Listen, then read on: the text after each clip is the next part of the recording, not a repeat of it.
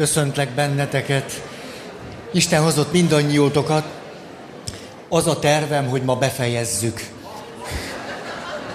az önfeláldozás sémát, hogy ennyi elég lesz, és ennek kapcsán talán a sok széket is elveszem majd, bár mindenféle gondolataim, ötleteim támadtak, hogy mi mindent lehetne még megmutatni. Minden esetre arról beszélünk, és ehhez kapcsoltunk nagyon-nagyon sok pontot, hogy köztünk is, és odakint is vannak sokan olyanok, akik akkor is rászorulónak látnak másokat, akár családtagokat, akár bárkit, amikor ők vagy nem rászorulók, vagy sokkal kevésbé.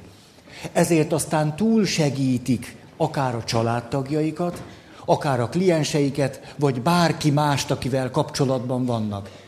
Miközben ők ezt úgy élik meg, hogy nagyon jók és értékesek, jó az, amit tesznek, mindennek az ő lelkük hátterében az áll, hogy meg akarják őrizni a saját magukról alkotott pozitív képet, tele vannak indokolatlanul erős bűntudattal, hogy ha nem segítenek, zárójel, ott is, ahol nem kéne, akkor rossz emberek, akkor valami rosszat tesznek, és ezt mindenképpen szeretnék elkerülni. Ezért tehát van bennük szorongás és félelem, ami nagyon erősen indítja őket. Ez az, amiről most beszélünk. És van a három székünk. Az első szék, tudjátok, ez a nagyzásos székünk. Grandiózus segítő. Majd én. Hát én nem lehet segíteni. Másik, az ember mindenfélét érez és gondol, és fizikai állapotai vannak, emlékei, saját sorsa és története. És a harmadik a szakértő. És ahhoz, hogy eredményesen segítsünk magunknak, mert ez a két megközelítésünk. Hogyan tudnék eredményesen segíteni magamnak, hiszen napi 24 órában rendelkezésemre állok, és ha van valaki, akihez fordulhatok különösebb nehézség nélkül, az én vagyok, hát nektek nem. Tehát a... És ez számomra nagyon megnyugtató. Tehát, hogy hogyan segíthetek eredményesen magamnak, ez az egyik megközelítésünk, a másik pedig, hogy hogyan tudok elég jó segítő lenni, azzal összefüggésben, hogy ne legyek kényszeres szindrómás segítő. Erről beszélünk. Most akkor kérdés, hogy mit gondoltok, hogy amikor valaki az önfeláldozás sémától nyög, és a környezete is, akkor ő melyik székben van nagyon sokat? Nem segítek. Tessék? Középső az ember? Hát bár csak ott lenne. Mert ha ott lenne, akkor merné beismerni például, hogy ez már neki is sok. Akkor merne haragudni, vagy dühösnek lenni, tudna határokat tartani, mert fölismerni a saját szükségleteit, ki tudna állni magáért, és tudna asszertív lenni. Néha azt mondaná, hogy hú, hát nekem is jogom van ahhoz, hogy ezt vagy azt tegyem, vagy ezt vagy azt megélhessem. Tehát bár csak közelebb lenne a maga ember voltához. De nincs. Tulajdonképpen akik ebben a sémában vannak, gyakran jellemző őket az érzelmektől való megfosztottság séma, amit talán másfél évvel ezelőtt jól kifejtettünk. És hát ezért már tehát nem, nem, sajnos itt nem, nem igazán érzi otthon magát. Nagyon szívesen van a segítő szerepben, és nem az ember szerepében. Ragaszkodhat is ahhoz az alá fölé rendelt helyzethez, ami a segítő és a segített között olyan természetesen van. Ah, úgyhogy ezt most kilőttük. Hova rakjam a pulóverem? Ide rakjuk. Jó. Tulajdonképpen, amikor valaki az önfeláldozás sémával él, nagyon sokat, nagyon-nagyon sok időt tölt a grandiózus székében. Aki napi 24 órán keresztül tud segíteni. Az a pap, akihez bármikor be lehet csöngetni. Bármikor. Most nem tudjuk, hogy lemegy el, vagy fölveszi el, de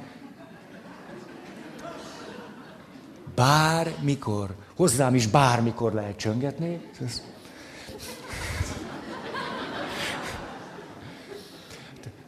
Valaki, aki úgy éli az életét, mintha nem volnának korlátai. Mintha neki a nap 50 órából állna, és mindig mindenhez lenne ereje, és tudása, és szakértelme, sőt, még kedve is, bár hát egy grandiózus segítő, mi az, hogy kedve? Hát, tolom ezerrel. És éppenséggel, ha többet tudna a szakértő székében ülni, innen tudna néhány jó tanácsot adni magának. És elmondaná, hogy tudod, hogy a szakirodalom rólad mit mond?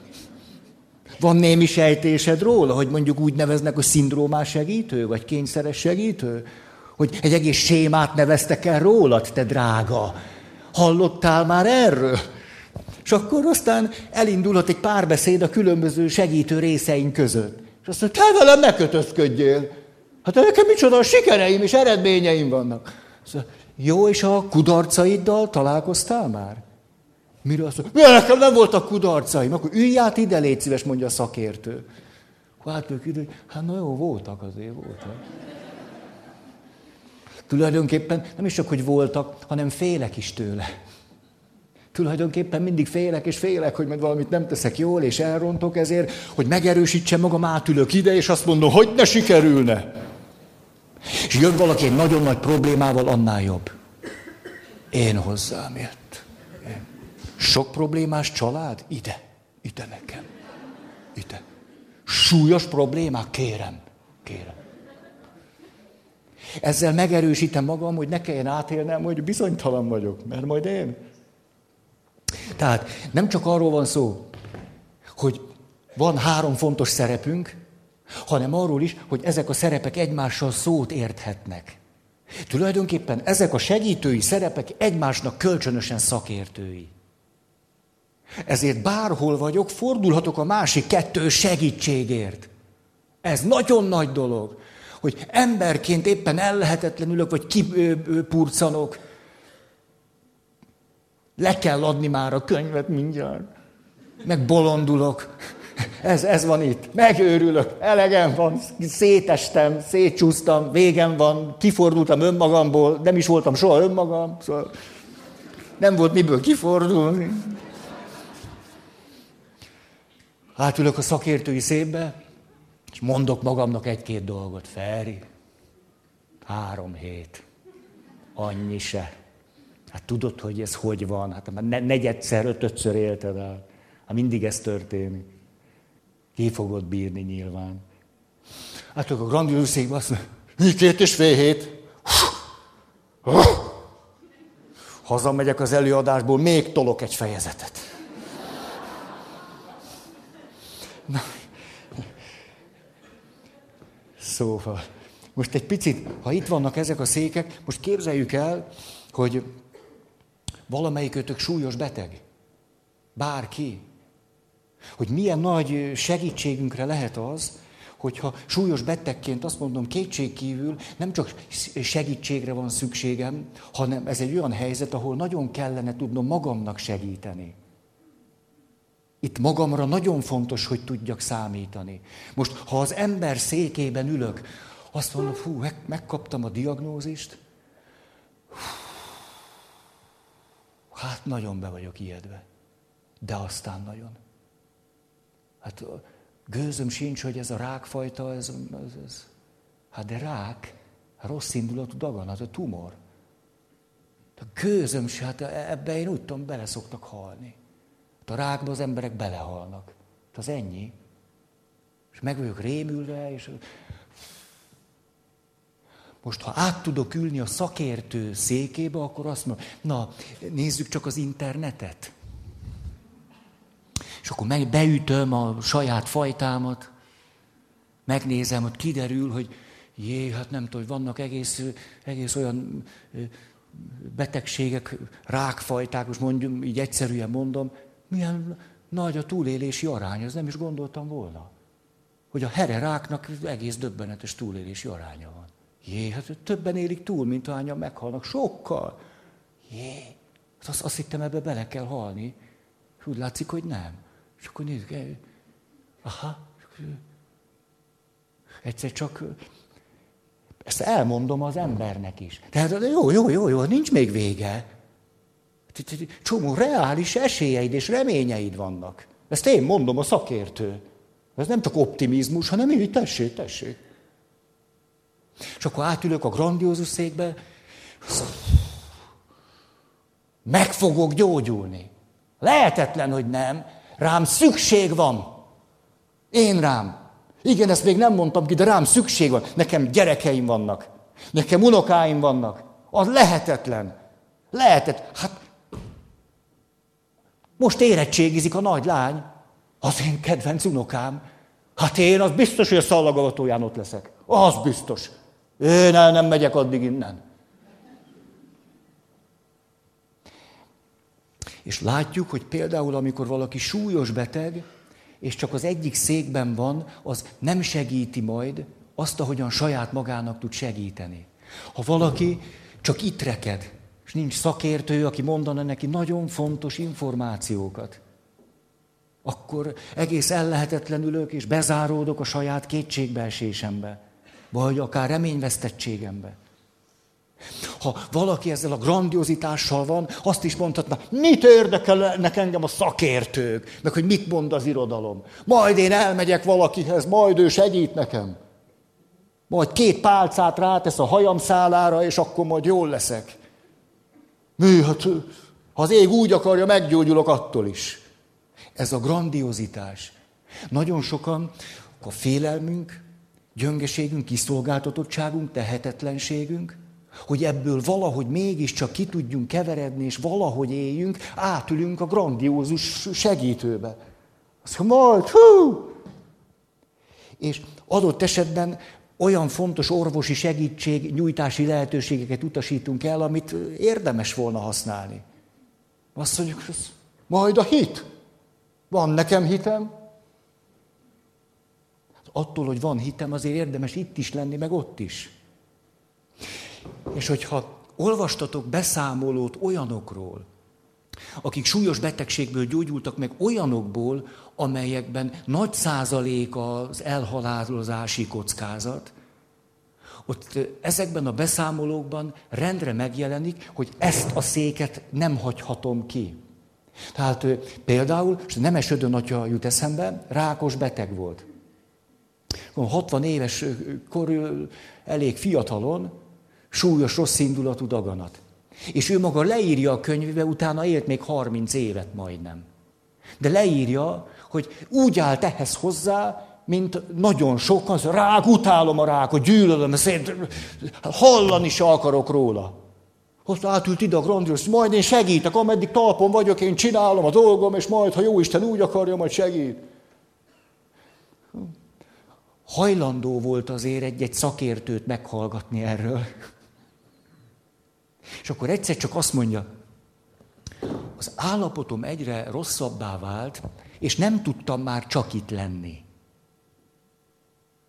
Hát be kellett látom emberként, hogy ennek tényleg felesett réfa, és ahogyan eddig azzal segítettem magamnak a lelki erőmet, úgy nyertem vissza, hogy ide ültem, és azt mondtam, na, pap vagyok.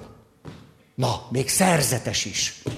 Hát jezsuita. Három okom van, hogy életbe maradjak. Extra okok. Tehát lehetetlen, hogy ne számítson.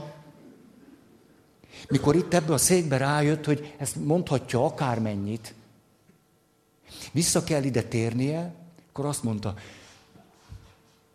eddig egy sajátos stratégiát választottam, rossznak tartottam ezt a betegséget, és a lehető legtávolabb helyeztem magamtól. De egyre rosszabbul lettem. Most itt fekszem a kórházban, és az esélyeim fogynak. Akkor valószínű, hogy stratégiát kellene váltanom. Ez az emberi szék.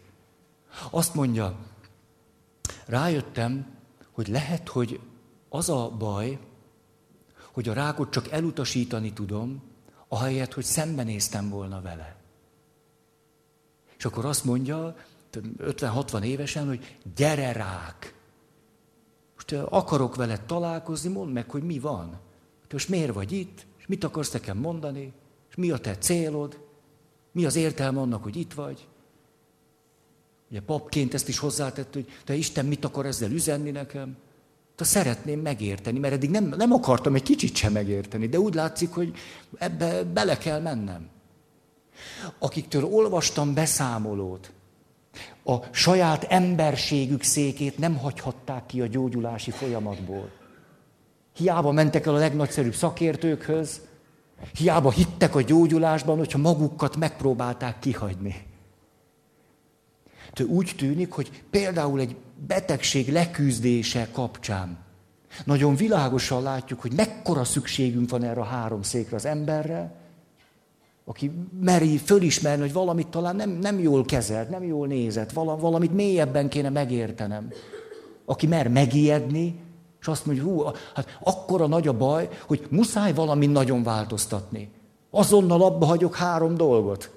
Megfogadom, hogy két dolgot sose fogok csinálni, hármat meg igen. Ez az attól lehet, hogy valaki az emberségében ül, és ott megrendül. De, de hát kell, hogy legyen egy erő, amire azt mondom, hogy én nem megyek még el. Ha rajtam múlik, hát már pedig múlik. És közben szükségem van egy, egy nagyon fontos megjegyzésre. Nem, nem vagyok más, mint a többiek. Szóval, tudunk valamit az emberről, hogy ki hogy gyógyul, ki hogy nem. Hát azért ezt érdemes elmondani neki. Nem vagy olyan rendkívüli. Tudom, hogy annak érzed ott magad, de pont olyan vagy, mint a többiek. Nyugi. Nyugi. Sejtjeid vannak, és a többi. Ilyen, olyan. Na. Most képzeljünk el egy teljesen más helyzetet, ott is szeretném a három széket mutatni nektek, hogy miért fontos a három szék, segítői szerep, és hogy ezeknek az együttműködése milyen jelentős.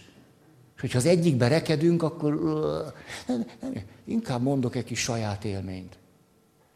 A, aztán majd még ezt is elmondom. Hogy nem véletlen ide ülök, Általában azért ahhoz, hogy valaki pap legyen, van itt neki egy szék.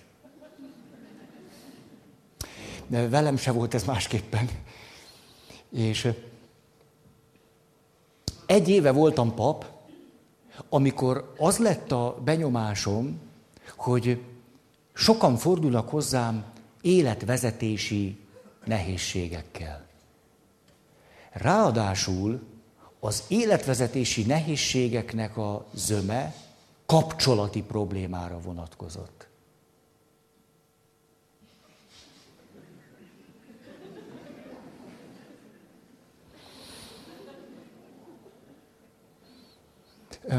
Hiába voltam fölszentelt pap, mondjuk tíz emberből nyolcan nem hitéleti témával kerestek meg. Most ugye itt akkor szembe kell néznem, hogy miért, de így volt. És én itt ültem ebbe a székbe, szóval, hát, hát gyere csak nyugodtan, jöhetsz nyugodtan, mi? Megcsalás, de gyere csak, gyere, megcsalás, megcsalás, hűtlenség, hűtlenség.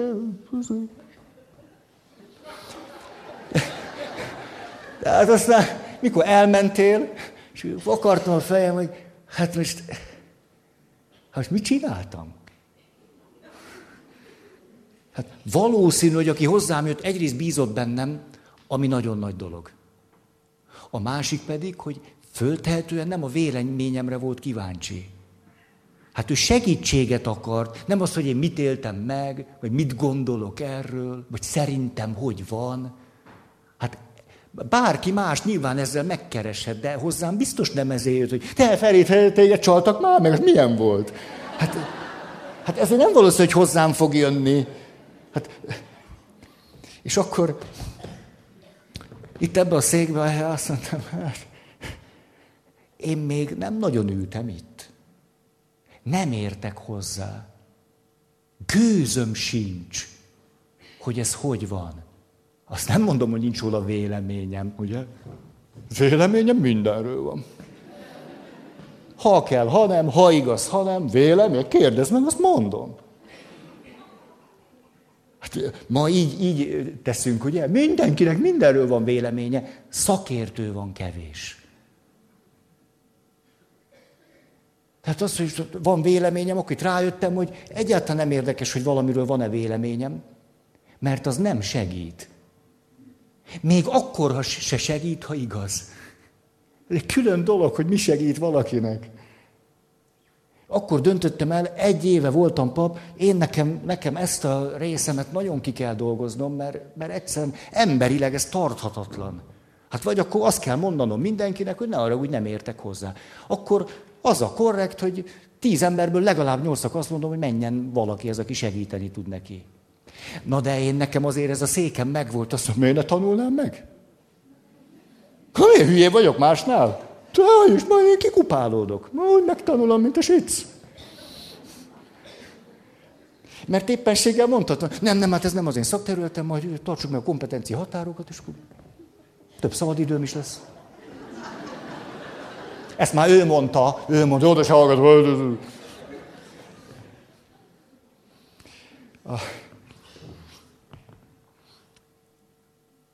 Egy másik területről szeretném még most a három széket. Képzeljük el, hogy te vagy a főnök. Hmm. És te főnökként akarsz kérni valamit a beosztottattól. Na de megtapasztaltad már azt, ami ezen a területen egy alapmondat. A beosztottak vagy munkavállalók nem azt a feladatot végzik el, amit nekik adnak, hanem amit meg tudnak csinálni.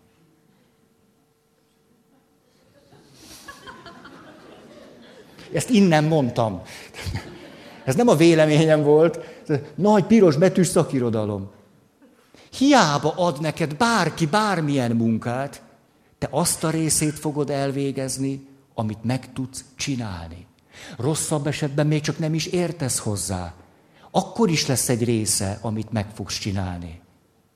Senki sem azt a munkát végzi el, amit rábíznak, hanem amit meg tud csinálni. Jó esetben a kettő között van átfedés. Hát van némi közös metszet. De van, hogy nagyon kicsi a közös metszet. És ezért főnökként meg tudok őrülni. Hát 25-ször mondtam. Hányszor kell még mondani? Hm? És akkor, na most.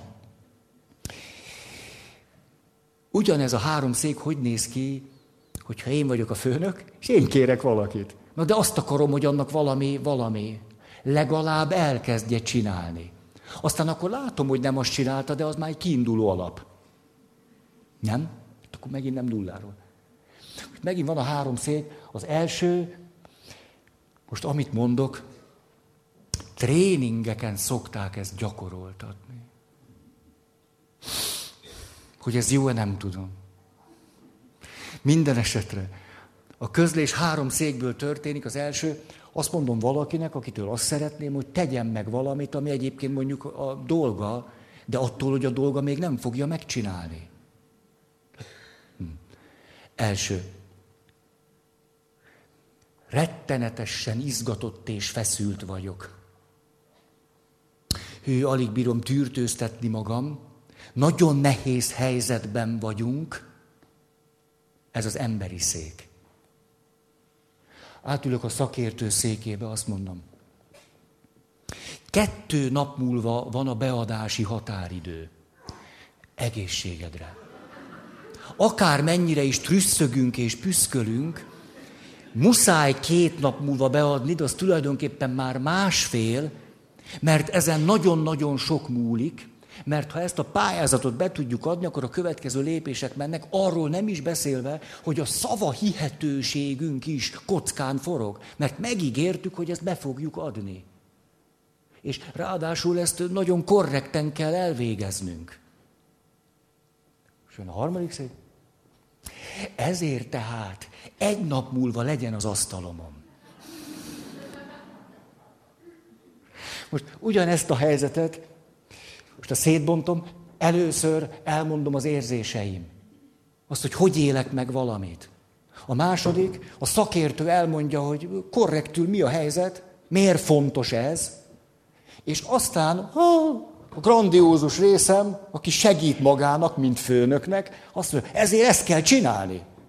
Most ezt nem fogunk totojázni, nem fogok bocsánatot kérni, hogy azt mondom, hogy csináld meg. Ugye a király nem kér bocsánatot azért, mert van hatalma, hanem döntéseken keresztül gyakorolja. Jól ismerjük, ugye, hogyha vannak főnökeink, és csak az egyik széket használják. Úgy akarnak segíteni magukon, hogy semmi más nem tesznek, mint ordibálnak velünk. Ugye úgy tesznek, hogy ők a, bármit megtehet veled, bárhogyan beszélet veled, üvölt, és, nem is vesz ember számba. Ha minek ő valaki, te meg egy senki vagy. Ez némi grandiozitás. Nem sok kedvünk van ott lenni. Aztán vannak olyanok, akik nagyon-nagyon kedvesen mindig mondják, hogy mit éreznek.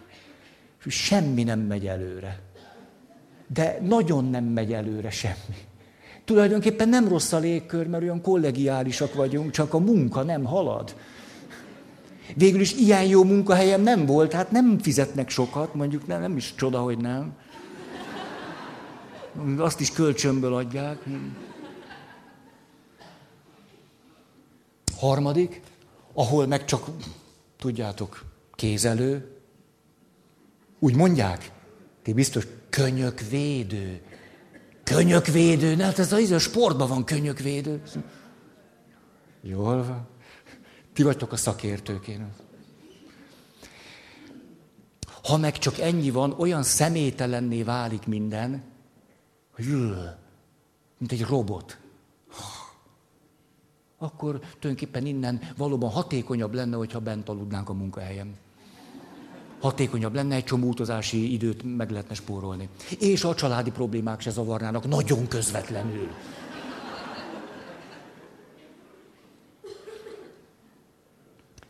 Próbáltam akkor bemutatgatni a három széket, és visszatérek az utolsó előtti ponthoz. Ránézek az órámra, a szakértő ránéz az órájára. Hol tartom? Ott tartunk, hogy az utolsó előtti pontba nem kezdtem már bele, de lehet, hogy belekezdtem. Nem ismétlem el a 34 pontot, tudottnak veszem, és akkor az utolsó előtti természetes a pénzhez való viszonya. Elkezdtem. Tudom. Tudom, köszönöm, de tudom, tudom. Szakértő. Mégpedig arról beszéltem, hogy egy családban konfliktus van, hogy most a fűtés szereléssel hogy legyen, ugye a korszerűsítése, melyik, most erre költünk, vagy arra költünk. Jó, de jól esett azért, hogy ezt mondtátok. Ez jó ahogy önismereti munkát végeztem, az egyik legtanulságosabb része ennek a pénzhez fűződő viszonyomnak a föltárása volt. Ahogy múltkor emlegettem nektek, hogy a pénzhez fűződő viszony az, az esetek döntő-döntő-döntő többségében sokkal többről szól, mint a pénz. Sokkal többről. A családi hiedelmeinkről szól, a kiszolgáltatottságról, a félelemről, a biztonságról, az élethez való viszonyról. Erről szól. Ezért lehetnek annyira megold hatatlanok azok a problémák, amelyek kapcsolódnak a pénzhez. Múltkor ezt próbáltam el, nem tudom, hangsúlyozni, nem elhangsúlyozni, ez egy másik szó lett volna, de azt aztán nem mondtam. Hangsúlyozni. Ezért merem azt mondani, hogy nem egyszer a pénzzel kapcsolatos problémák, ahogy a szakirodalom ezt mondja, a megoldhatatlan problémák közé tartoznak. Mégpedig azért nevezik megoldhatatlan problémának, mert ami miatt én ragaszkodom ahhoz, hogy a fűtésnek muszáj, muszáj, muszáj korszerűbbnek lenni, az nem a fűtésről szól, hanem arról, hogy gyerekkorban rengeteget fáztam, és mikor megjelenik bennem annak a, annak a fenyegetettsége, hogy 40-50 évesen annyi munka, meg törődés, meg minden után, és ugyanúgy fázzak, mint kölyök koromban, hát de minden csak ezt nem. Akkor ez nem a pénzről szól, gyerekkori élményeimről, sérültségeimről, hiányaimról, veszteségekről Na, amit mondok, a kényszeres, vagy szindrómás, vagy önfeláldozás sémával terhelt, segítő szempontjából mondom. Mikor ki akkor bólintottak a papnevelő intézetből, akkor ezt szoktátok használni, ezt a kifejezést biztos, nem? Rendszeresen ezt, ezt mondjátok? Akkor máig ható élményem volt, hogy elmentem egy idősebb paphoz, aki nagyon jó indulatú volt, velem is, még velem is, ez, ez, ez akart lenni, ez, a, ez, fedje homály, és beszélgettünk, mondott ezt, azt, meg én is mondtam ezt, azt, fogalmam sincs, hogy, hogy mit mondott, gőzöm sincs, mi volt az a 25 jó tanács, amit mondott, hogy én mit mondtam, pláne nem emlékszem, arra viszont igen, hogy amikor elérkezett az elköszönés ideje, akkor benyúlt a pénztárcájába, és adott nekem 20 ezer forintot. 20 évvel ezelőtt volt. Na, erre emlékszem.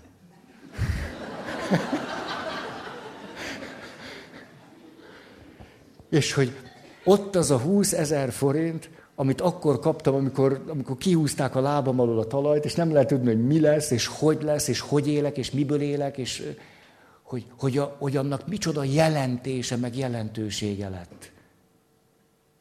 Hogy azzal a 20 ezer forinttal nekem azt hiszem, hogy többet segített, mint bármi mással, amit mondhatott vagy adhatott volna. Legalábbis így éltem meg. Egy olyan, olyan élmény volt, amihez visszanyúltam. A pénzhez már nem, mert az... Most, mikor ugye ott találtam magamat a, az utcán, hát persze mehettem volna édesanyámhoz. Hát, na, hát azt nem. Tehát nincs, tehát szóval azt nem. Hát nincs az a krízis, ami, ami engem arra vinne. És akkor nagymamám akkor halt meg, amikor bementem a papnevelő intézetbe, és rám hagyta a lakását. Ez egy elég lepukkant lakás volt a hatodik kerületben, de teljesen jó volt. Igen ám, de azt kiadtam három teológus hallgatónak, akikkel együtt jártunk. De a kiadtam, az egy erős túlzás, mert gyakorlatilag szinte rezsiér. Hát, mert nem akartam keresni rajta, mert nem, nem kellett pénz. Hát ben voltam a papnevelő intézetben, minek akkor a pénz? És akkor kikerültem, és azt gondoltam, hogy hát most az természetes volna, hogy megyek a lakásomba, de mi lesz velük? Most hirtelen mondjam neki, hogy menjenek a csudába, vagy most, most miért azért, mert nehéz helyzetbe kerülök én, akkor ők is. Hát dehogy is, maradjanak csak ott. Most emeljen föl a, a, a pénzt, dehogy is, hát szegények. A teológus hallgatók, hát miből lenne pénzük? És akkor így addig, addig okoskodtam, míg rá nem jöttem, hogy beköltözhetnék egy hajléktalan szállóra. És, és így is lett. És, az volt a tervem, ez a grandiózus segítő, hogy hát ennél pompásabb lehetőség nem adódik, Tényleg, ezt gondolt, ezt kinevette, ez, nem hat rám őt, nem hat rám, ott hatna rám nagyon, de őt nem hat rám. Szóval micsoda zseniális dolog ez. Itt van. Hajléktalanok között úgy fogok segíteni, hogy én is ott élek velük, na ez egy igazi mintaértékű projekt lesz. Na, ez, ez. És akkor elmentem a hajléktalan szálló vezetőjéhez, akivel jó ismerettségem volt, és mondom neki, te figyelj, ez, ez az ötletem. Tehát elmegyek, beköltözök, azt teszem, úgy alszok, úgy jövök, megyek, ez, ez. És akkor na, ebből, ebből születhet valami igazán. Ugye mondtam onnan. Ebből aztán valami születhet. Ő szakértői szerepben a következőt. De Feri, hát a, a, egyszerűen nincs olyan szakirodalom, ami ezt pártolná. Hát ez roppant hősies, meg gyönyörű, hát tényleg le, le a kalap, meg nem tudom mi, minden, de hát marhaság. Hát ez egy kicsit sértette a büszkeségem, hogy miért is a marraság, egyrészt én találtam ki, tehát nem lehet az. De, na, jó, jó, jó. Végül aztán itt összekötődött ez a kettő, aztán jó, akkor nem költözök be teljesen oda, egy emelettel följebb. És tényleg így lett. Egy kis raktárt kiürítettek nekem, akkora volt az egész, hát ezt el sem tudom mondani. Tehát egy ötvenszer három. De az össz, voltak dobozaim, ebben nagyjából a könyveket tartottam, ezek ilyen négy-öt kupacba így álltak, tulajdonképpen már nem is lehetett közlekedni, volt benne egy ágy és kész. Tehát asztal meg szék nem is fért el, mert tele volt a dobozzal, aki. És akkor ott, ott. Ott éltem egy évet. és akkor onnan közel volt a munkahely. Hát például nem, nem kellett nekem bérletpénzt fizetni, vagy ilyesmi. És, akkor, és úgy csináltam, hogy nappal dolgoztam, este pedig ügyeletes voltam. Hát úgyis ott vagyok, értitek? Hát akkor nappal, nem tudom, hajléktalanokkal voltam, idős gondozás, éjszaka pedig hát jön az ügyelet, tehát ha bármikor valami baj van, hát akkor megyek, és akkor... Nem kértem érte pénzt. Hát akkor az igazi öcsém. Akkor az az valami. Az valami. Az, az, az, az. Így akkor megállhatok Isten előtt, és mondhatom, hogy ez. Na de nem nagyon volt pénzem. Lakásért némi kis, tehát hogy valahogy megéltem. A következő ilyen szívbe markoló élmény. Hát annyira elfogyott a pénzem hónap végére, hát eleve volt, de de még ami, ugye, mert azt mondtam, hát anyámtól csak nem kérek. Hát akkor.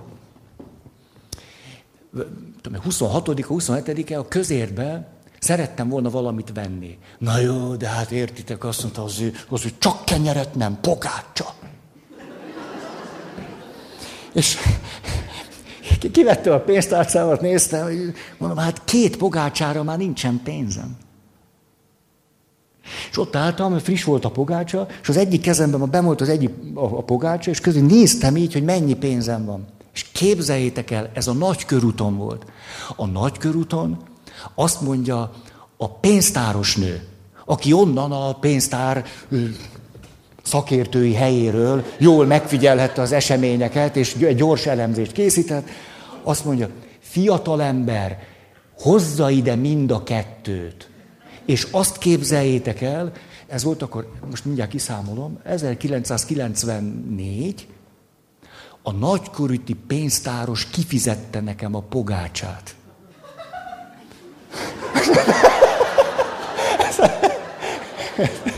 Ez így történt. Ez a második megrázó élményem.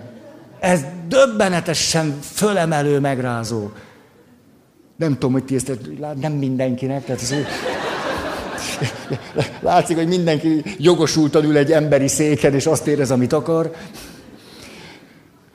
Ez volt a második ehhez fűződő nagyon-nagyon mély élményem. És a, emlékeztek arra a történetre? De most erre iszom egy picit, hogy ú, de nehéz az élet. Hogy egy nagyszerű motivációs tréner, hm.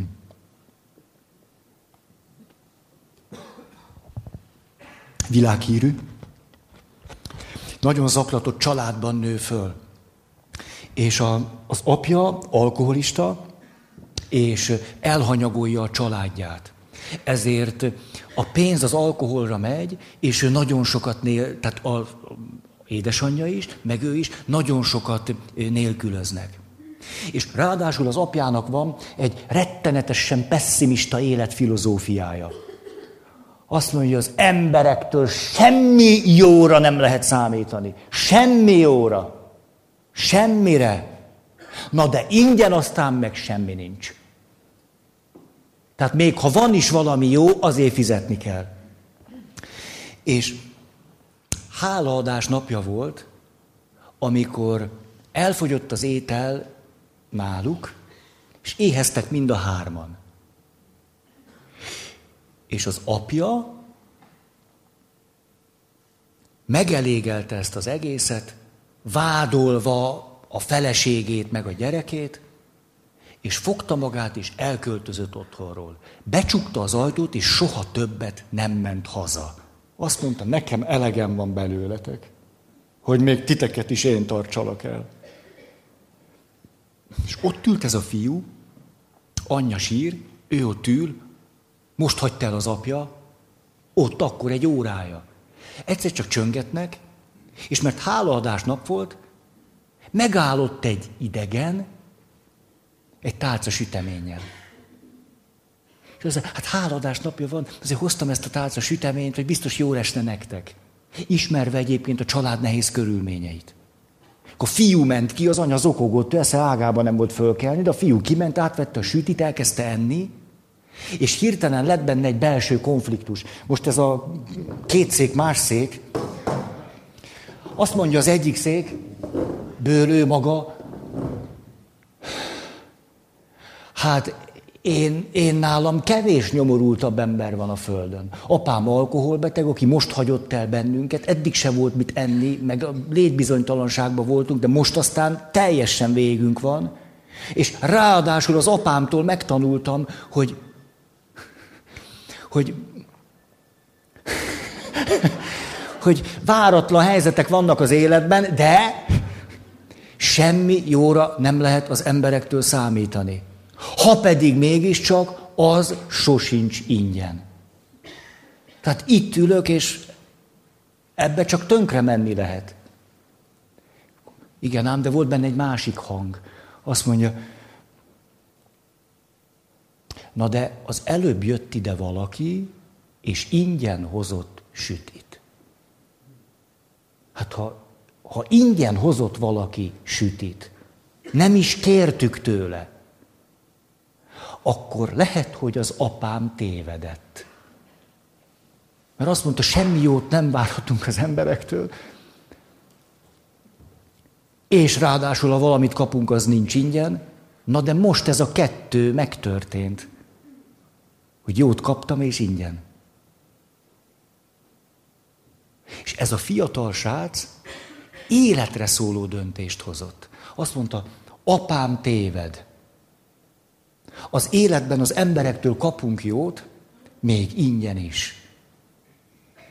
És talán emlékeztek a folytatásra, de ezt már vagy három évvel ezelőtt mondtam, tehát mm, ezért nem vagyok zavarban. És akkor azt mondta, egy év múlva hálaadáskor, hogy készítek sütit, mert hogy fölkavaróan az életemet megváltoztatta, hogy valaki adott, és elmegyek négy családhoz, és adok, adok, viszek nekik ingyen sütit. És a következő évben nyolc családhoz ment. És utána rájött a nyolcnál, hogy annyira szívesen menne más családhoz, de hát már nem győzi, ezért szólt a barátainak. Elkezdte ketten, négyen, nyolcan. Még több süti, még több süti. És ebből lett egy világméretű dolog. Sok-sok-sok millió ember. Számtalan ország. Abból, hogy ez a fiú ott és akkor egy élmény nyomán hozott egy döntést. Hi. Ez a pogácsáról jutott eszembe. Hogy, hogy ez a nagykörúti pénztáros nő egy vásárlónak kifizette a pogácsáját. És akkor Na, akkor elmentem pszichoanalízisre. Hát mégiscsak azért valahogy próbáltam rendbe hozni magam, szedni, nem tudom. Nekem kellett az az analízis. De mondtam az analitikusnak, hogy nincs pénzem. Nem tudok fizetni, mert, mert pogácsát se tudok venni. Azt mondta, rendben van. Jártam hozzá hosszan, és egyszer csak azt mondja, hogy Hát Feri, a feleségem már nagyon zaklat, hogy hát nem ártana, hogyha kérnék egy kis pénzt a munkámért. Ő olyan volt, mint én. És, de hogy abban a pillanatban, hogy ezt én mekkora sérelemnek éltem meg. Na itt van a sérültség. Hogy én önzetlenül ott lakik hajléktalan szálló épületébe, reggeltől estig dolgozom, és amikor én nekem napi egy vagy heti egy óra segítségre van szükségem, akkor... Ez tulajdonképpen egy realitásvesztés a részemről. Emlékszem, hogy hogyan, hogyan ment ez bennem, és hogyan rakosgattam valahogy össze az élményeimet, emlékeimet, és hogyan jutottam arra, hogy, hogy, hogy egy ebből a fölfokozott érzelem világból való sebzettségből azt gondoljam, hogy hát nekem legalább egy ember mindenképp ingyen kéne, hogy segítsen. Ez a sémának a logikája. Ugye nem fejezem ki a szükségleteim, meg csak utalok rá, vagy nem is utalok rá, találják ki, de belül úgy gondolom, hogy valakinek azért törődnie kéne velem, de én nem mondom, hogy kinek. De azért, hogyha nem törődik velem valaki, akiről én kitalálom, hogy kinek kéne velem törődni, akkor... És milyen izgalmas ez, hogy pont ez az analízisben jött elő, mert lehetett vele dolgozni. Ez a nagy izgalom. Jó, Á, még akartam ilyen történtek mondani, azt már nem mondok. De még egyet-kettőt. Például plébános voltam már sok éve, és nem volt pénzem elmenni nyaralni. Egyszerűen, egyszer nem, nem, nem, nem tudtam összegyűjteni annyit, hogy nyaralni el tudjak menni. Már pedig nagyon szerettem Európában csavarogni. Ezért azt találtam ki, és halljátok ki ebből a sérültséget. Azt találtam ki, hogy hát persze én, én, nekem nem, nincs szükségem több fizetésre, elmegyek a testvéremhez, és kérek tőle. Amit persze meg fogok adni? Amit persze meg fogok adni, de lehet, hogy ne adjam meg. Tehát ingyen nem, majd én össze. Ezért az történt, hogy júliusban mindig elmentem hozzá. Kértem, mit tudom én, 100 ezer forintot, 85-50-et, mint akkor hányba járunk, és akkor utána azon ügyeskedtem, hogy karácsonyig sikerüljön valamennyire visszaadni, hogy tudjak karácsony ajándékot venni. Érzitek ennek a dinamikáját? Tehát egyik felől, másik felől meg... És akkor... Hát ezt nem lehetne valamilyen természetes viszonynak nevezni a pénzhez. Ez inkább egy agyament viszony. És a, most, jó van, akkor e, beültem egyszer a szakértő székébe, hatodik ilyen nyár, hogy miért ismétlődik meg az életemben az, hogy nincsen pénzem nyaralni, de nagyon szeretnék, akkor kölcsönkérek, akkor, akkor mi, mi, mi ez? Na, beültem a szakértő székébe. A szakértő székében a következőre jutottam. Megnéztem, hogy a fizetésemnek hány százalékát költöm magamra. Nem volt túl sok. Akkor rájöttem, hogy persze, hogy elfogy a pénzem. De ezen egy kicsit se változtattam, hanem minden ment ugyanúgy. És most akkor egy záró élményemet elmondanám, hogy mi hozott aztán egy fordulatot, hogy, hogy ne legyek ennyire kiszolgáltatott a pénzhez fűződő viszonyomban, hogy valami, valami normálisabban legyek benne.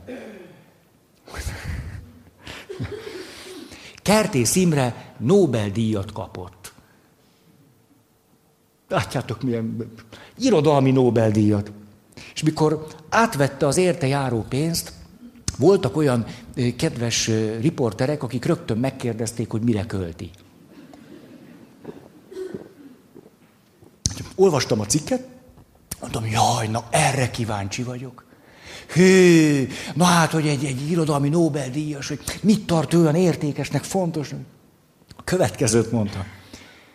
Mint a művemből is ez kitetszik, életem során sokat nélkülöztem. Ezért kétség kívül sok mindent fogok ebből magamra költeni. És ezt olvastam. Nem már! Hát ez ne, nem lehet, ilyet nem mondhat. Nem mondhat. És ez, hogy ő ezt mondta, adott nekem egy engedélyt arra, hogy magamra költsek pénzt. Ez az élmény. Elég gyarlók vagyunk, ugye? Már most ti.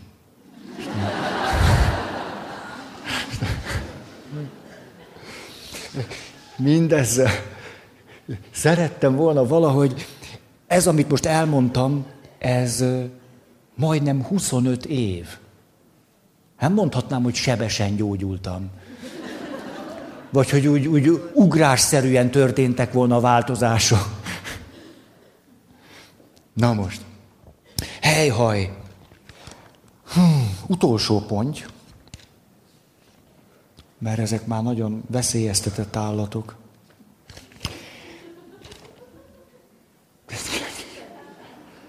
Hol tart? Igen. Ja, azt nem is vettem elő. Na, ha nem vettem elő, akkor mondom, ami itt van. Csak hogy egyszer halljátok a tényeket. Ja, ezt innen mondom, bocsánat, szakértőség. Bizonytalansági kérdőív.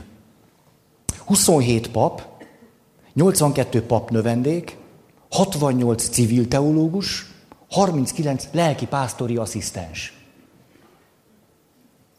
Nézzük, milyen eredmények jönnek ki a bizonytalansági kérdőívre. Német fölmérés. Meglehetősen nagy félelem, feszültség, sikertelenség, kritika és a nyílt méltatás okán. Nehezen mondanak nemet, túlzott alkalmazkodó képesség, harag elhárítása, eltolása.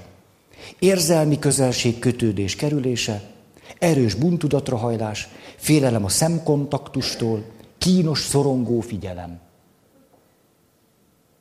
Második pont, személyiség kérdői eredményei. Ösztön impulzusok észlelésének akadályoztatottsága. Hát itt, itt így beszélünk. Gátoltak, befelé fordulók, zárkózottak. Agresszió gátolt, indulatok blokkoltak. Bátortalanok, becsaphatóak, alacsony önbizalommal rendelkeznek.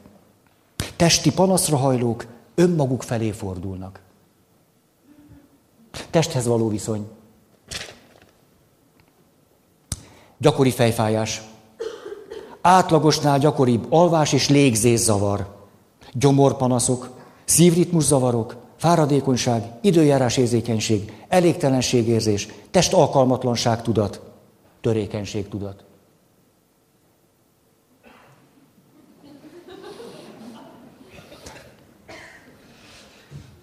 Legyetek velünk együttérzők. Na, és akkor előveszem, amit akartam. Hehe.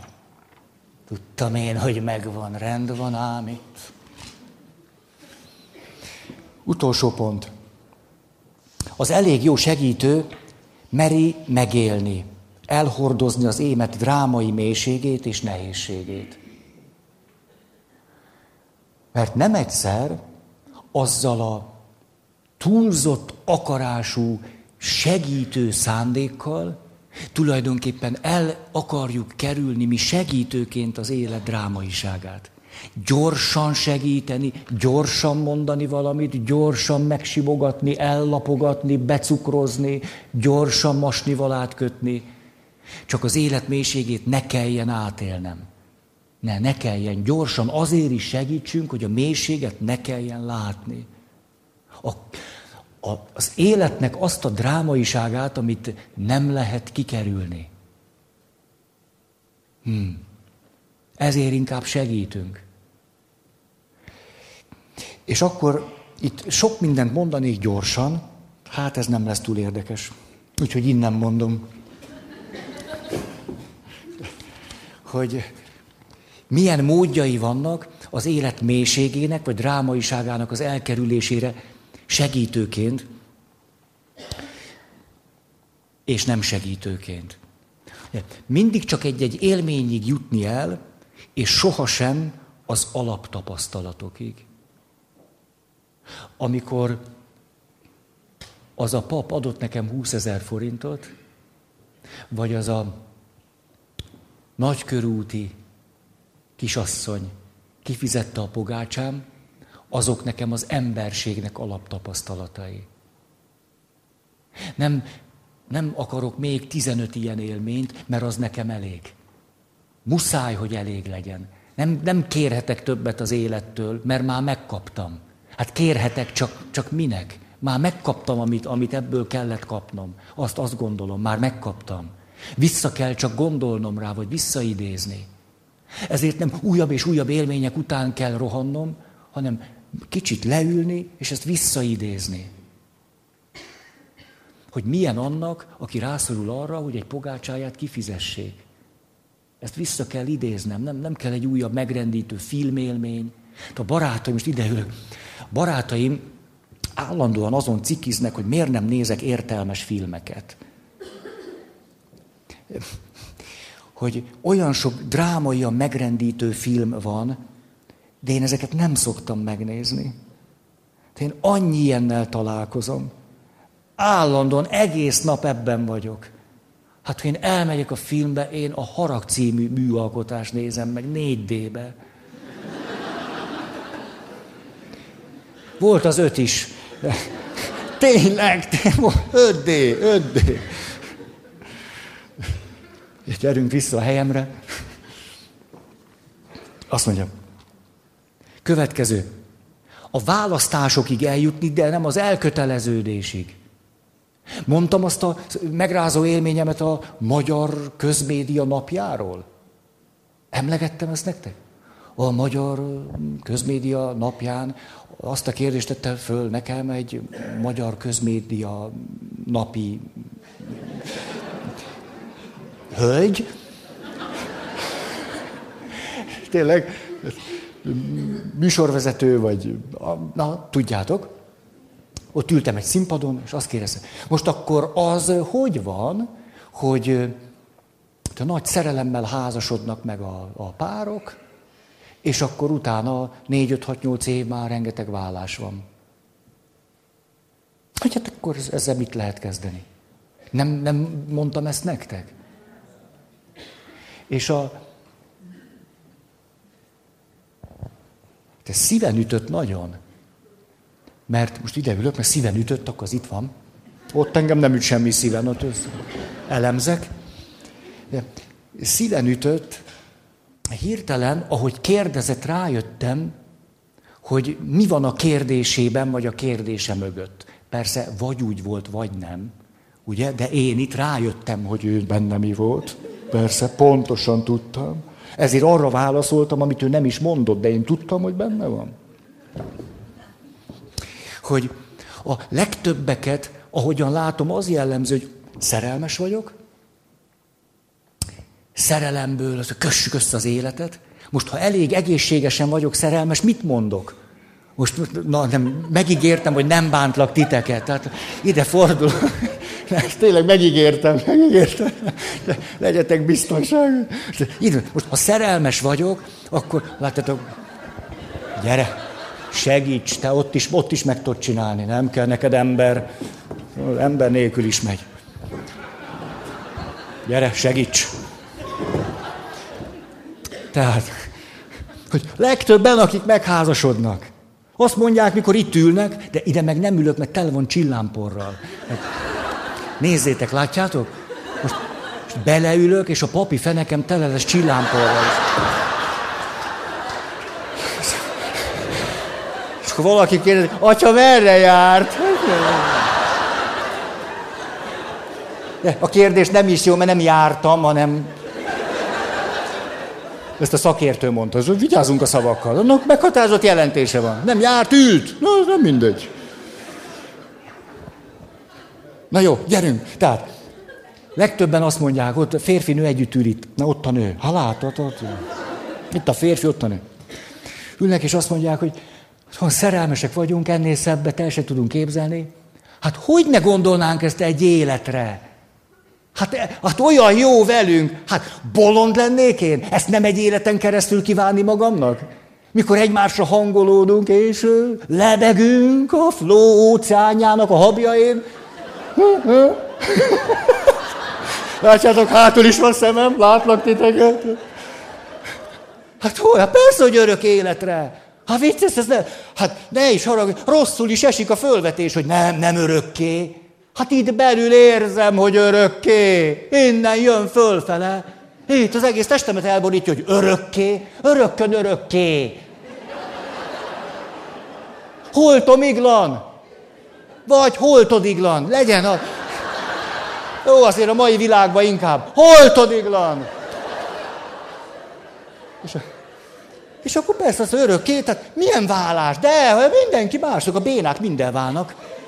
Most azt ott a szerencsétlenek nyomorult, hogy nem bírják. Hát így, így megy minden magától. Ne, hát nem így megy minden magától. Megy a szerelem. Így megy minden magától. Ezért azt mondom, én téged választalak. Én már most, hogy van ez? Mindenki tudjátok? Ti vagytok a szakértők? Igen ám, de hét év. Legyen hat, mert az a hú, is valami szakirodalmi, nem hat. És akkor azt mondja, hogy hát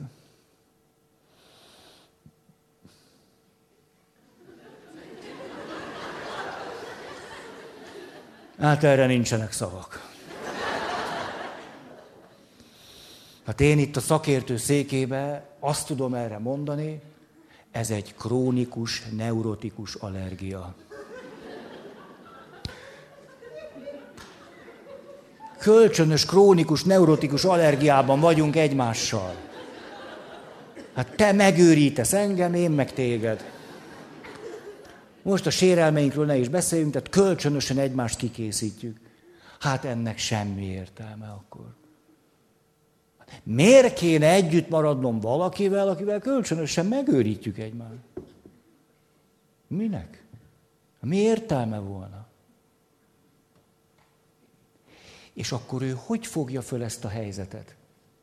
Azt mondja, hogy hát hat évvel ezelőtt, mikor azt mondtam, hogy örökkön örökké, holtodiglan, holtáiglan, mikor ezt mondtam, az egy más helyzet volt. Tündérbogaraim, cuppa homlokotokra. Hát persze, hogy ezt mondtam, mert akkor így éreztem. No, de most látnivalóan, meglátlak, rosszul vagyok. Hát ez egy másik helyzet. Hát itt annak semmi, semmi érvényessége nincs, amit akkor mondtam, amikor szerelmes voltam. Hát akkor ezt mondtam, mert szerelmes voltam. Na de itt? Hát mi köze ennek ahhoz? Hát semmi. Mert teljesen máshogy érzem magam.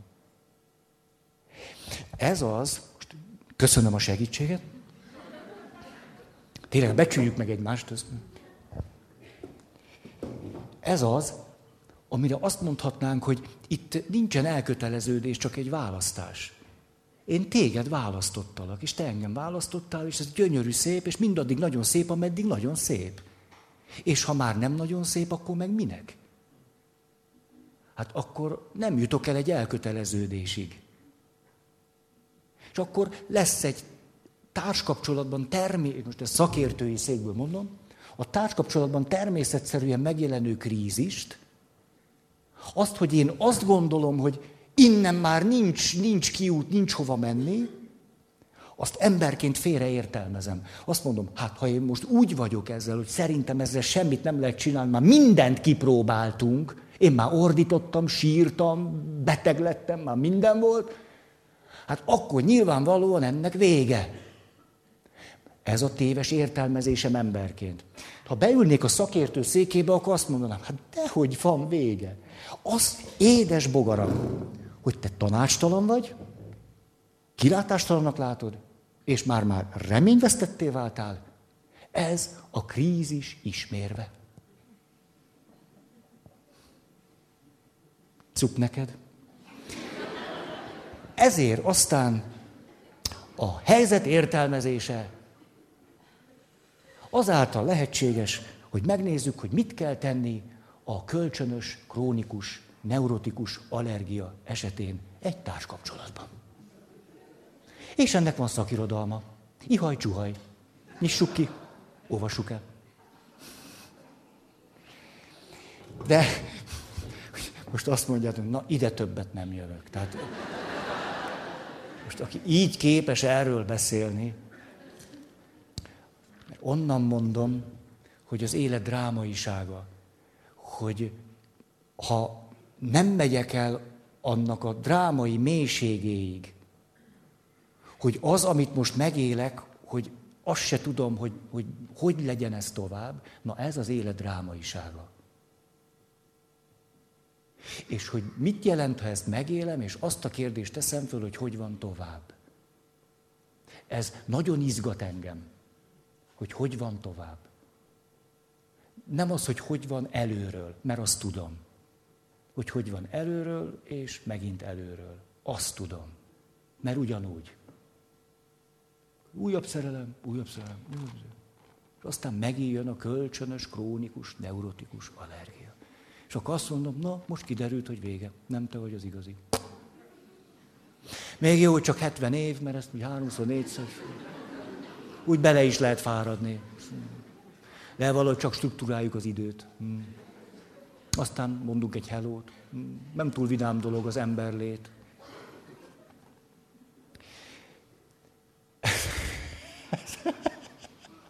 Na gyerünk, következő. Mindig csak az akaratig jutni, sosem a döntésig. Erről sok szó esett. Ezeket csak úgy villantani akartam, hogy, hogy azt mondom, hogy, hogy csak össze az akaraterőm. Akkor kiderül, hogy összeszedem az összes akaraterőm, és akkor is gyöngének bizonyulok. Na ez az élet drámaisága. Mikor minden akaraterődet összeszedted, és akkor is elbuksz. Erre lehet az, jó, hát akkor sem, ennyi az élet. Aha, nem hoztál döntést. Az előző esetben elköteleződés nincs, mert az a mélyebb rész. Ebben az esetben az akaratig jutok, de nem jutok el a döntésig. Következő. Érzés és hiteles érzés. Hát de, de sok parazita érzésünk van, helyettesítő érzések. Rengeteg féltékenység, rengeteg szorongás, rengeteg aggodalom és szomorúság ott, ahol a hiteles helyzetnek megfelelő érzés teljesen más lenne. Az összes, összes, összes sémához helyettesítő érzések kapcsolódnak, amelyek ott és akkor reálisan voltak, itt meg nem. Tehát ezek az érzések itt és most helyettesítik azokat az érzéseket, amelyek itt megélhetnék, ha képes lennék rá. Tehát amit, ugye szoktuk ezt mondani, hogy nincs úgy, csak így érzed. És ezen derülünk, hogy micsoda marhaság. És közben nagyon így van. Nincs úgy, csak így érzem. Következő. Vágy és a legmélyebb vágy. Eljutni vágyakig, vágyakig.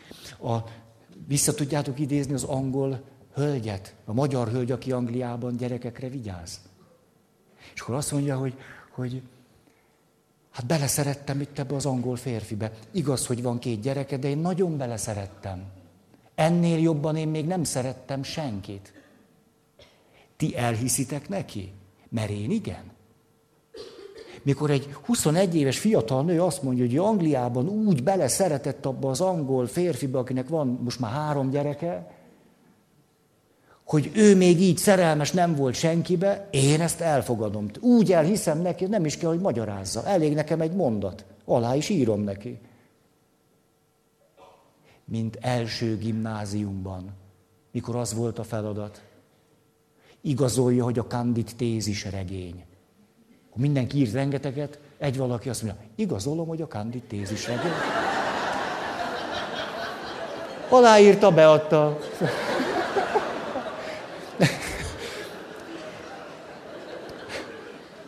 A tanárban nem volt nagy vonalúság.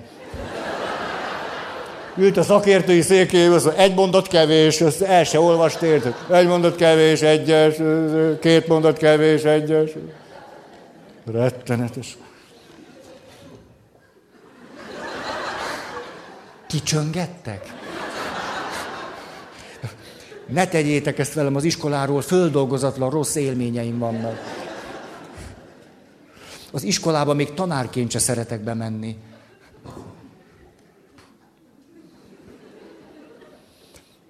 Ja, tehát itt van akkor ez a fiatal hölgy, akinek bemondásra elhiszem, hogy soha nem volt még ilyen szerelmes.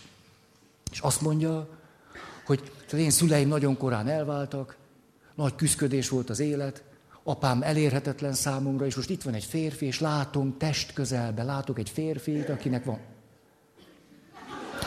aki krákok, köhög, tehát pont olyan, mint minden férfi, lehet, hogy még pukizik is egy csomó, de, de ez nem számít, mert otthon van. Tehát itt, itt, itt, itthon, itthon ezt lehet. Ezt lehet, és látom, hogy milyen természetes tud lenni, hogy van egy férfi, és van egy feleség, és vannak gyerek, és az egész annyira gyönyörű. Én erre vágyom. Hoppácska. Erre vágyom. Erre vágyom. Én ebbe a férfibe szerelmes vagyok. Én vágyom erre. Kérdés, erre a férfire, vagy egy családra? Erre a családra, vagy egy családra? Ezekre a gyerekekre, vagy gyerekekre? A mélyebb vágy, a legmélyebb vágy, lehetetlen, hogy pont az az angol férfi, pont azzal a három gyerekkel, hogy ez legyen élete legmélyebb vágya. Még nagy szerencs, hogy pont ide jött el ópernek. Mert különben véletlenül lekési a vonatot, vagy egy másik hirdetés néz meg, annyi neki. Annyi, vége, akkor azt annyi, akkor végig bolyonghatja az életét. De, jaj, jaj, jaj, jaj. Ezért, hogyha én hozzám eljön ez a 21 éves nő, aki már most 22, és azt mondja, de, de Feri, értsd meg, hogy olyan, úgy szeretem ezt a férfit, mint senki mást. Olyan drágák a gyerekek. Ez a család e, egyszerűen, nem térek magamhoz, olyan, erre vágyom. Én nem akarnám őt lebeszélni a vágyáról. Éppen fordítva. Azt mondja, de jó, hogy neked ilyen vágyaid vannak. Ú, de jó, hogy tele vagy emberi érzésekkel, érzelmekkel, hogy ilyen egészséges vagy. De mi a mélyebb vágyad? Van mélyebb vágyad annál, hogy pont ez az angol férfi, pont ezzel a három gyerekkel? Az egyik egyébként meg diszlexiás is. Ez is szerepel a legmélyebb vágyadban, hogy mindenképpen egy, egy diszlexiás gyerek is kéne, aki nem tud magyarul. Ez is a leg, legmélyebb vágyad. Hát tényleg nem vagyunk egyformák. Ma egy sajátos műfajban vagyok veletek, kétségkívül. Én magam sem tudom, hogy mi ez a műfaj, de eltelt az idő, és ezért már nem is fog rájönni. Akkor nem sikerült befejezni, Ú, na ez, ez fájt. Ezt innen mondom, de még nem bírok átülni.